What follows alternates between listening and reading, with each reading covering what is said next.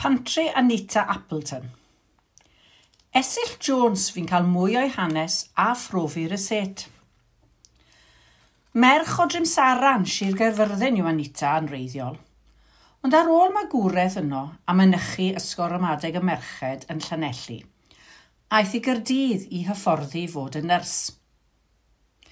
Y cam nesaf oedd hyfforddiant i fod yn fydraig ac yna yn ymwelydd iechyd.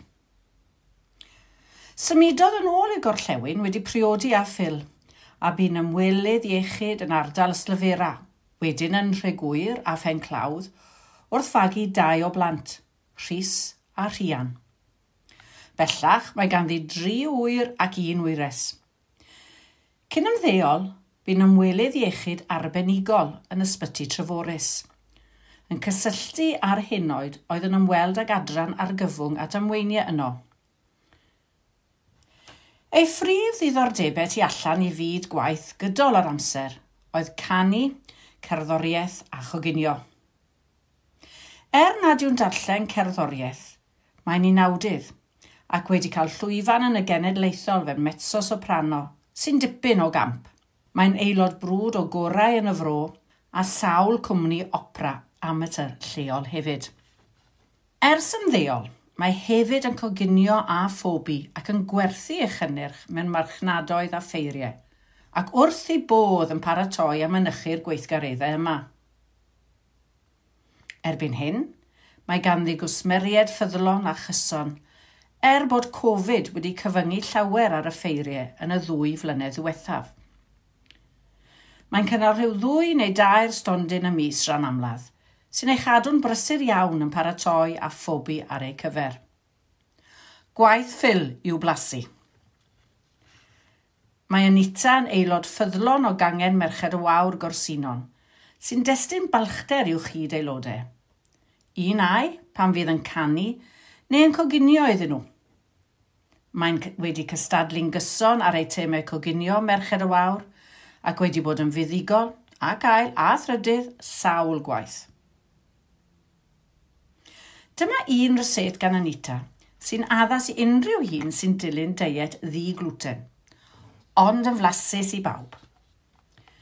Tesiynau almwnau heb flawd na braster.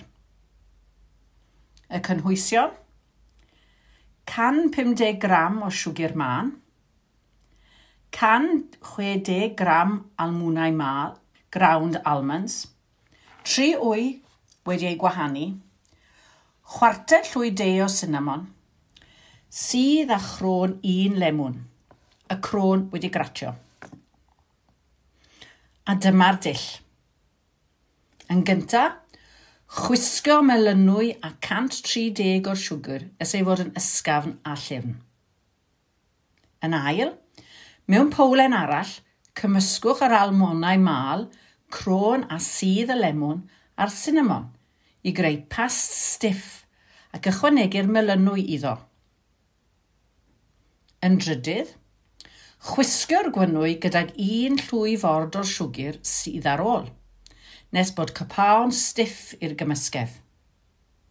Yna, ychwanegu gweddill y siwgr yn ofalus gyda llwy fetel. Yn bedwerydd, ychwanegu'r gwynwy i'r gymysgedd almwn – gan blygu'r gwynwy mewn a chadw gymaint o air a phosib yn y gymysgedd. Yn bumed, Gellir coginio hwn fel un deisen mewn tin wedi ei leinio, neu mewn cases muffin mewn tin muffin. Chweched, coginio mewn popdi ar o res o 180 centigrade, neu 160 os oes ffwrn fan gynnwch chi nes yn lliw eiraidd. Tua 35 munud i'r disen a thua 15 i 20 munud i'r myffin. Dywed Anita fod yr rhain yn ffein iawn gyda siwgr eisyn wedi sgeintio drostynt ar ôl pobi.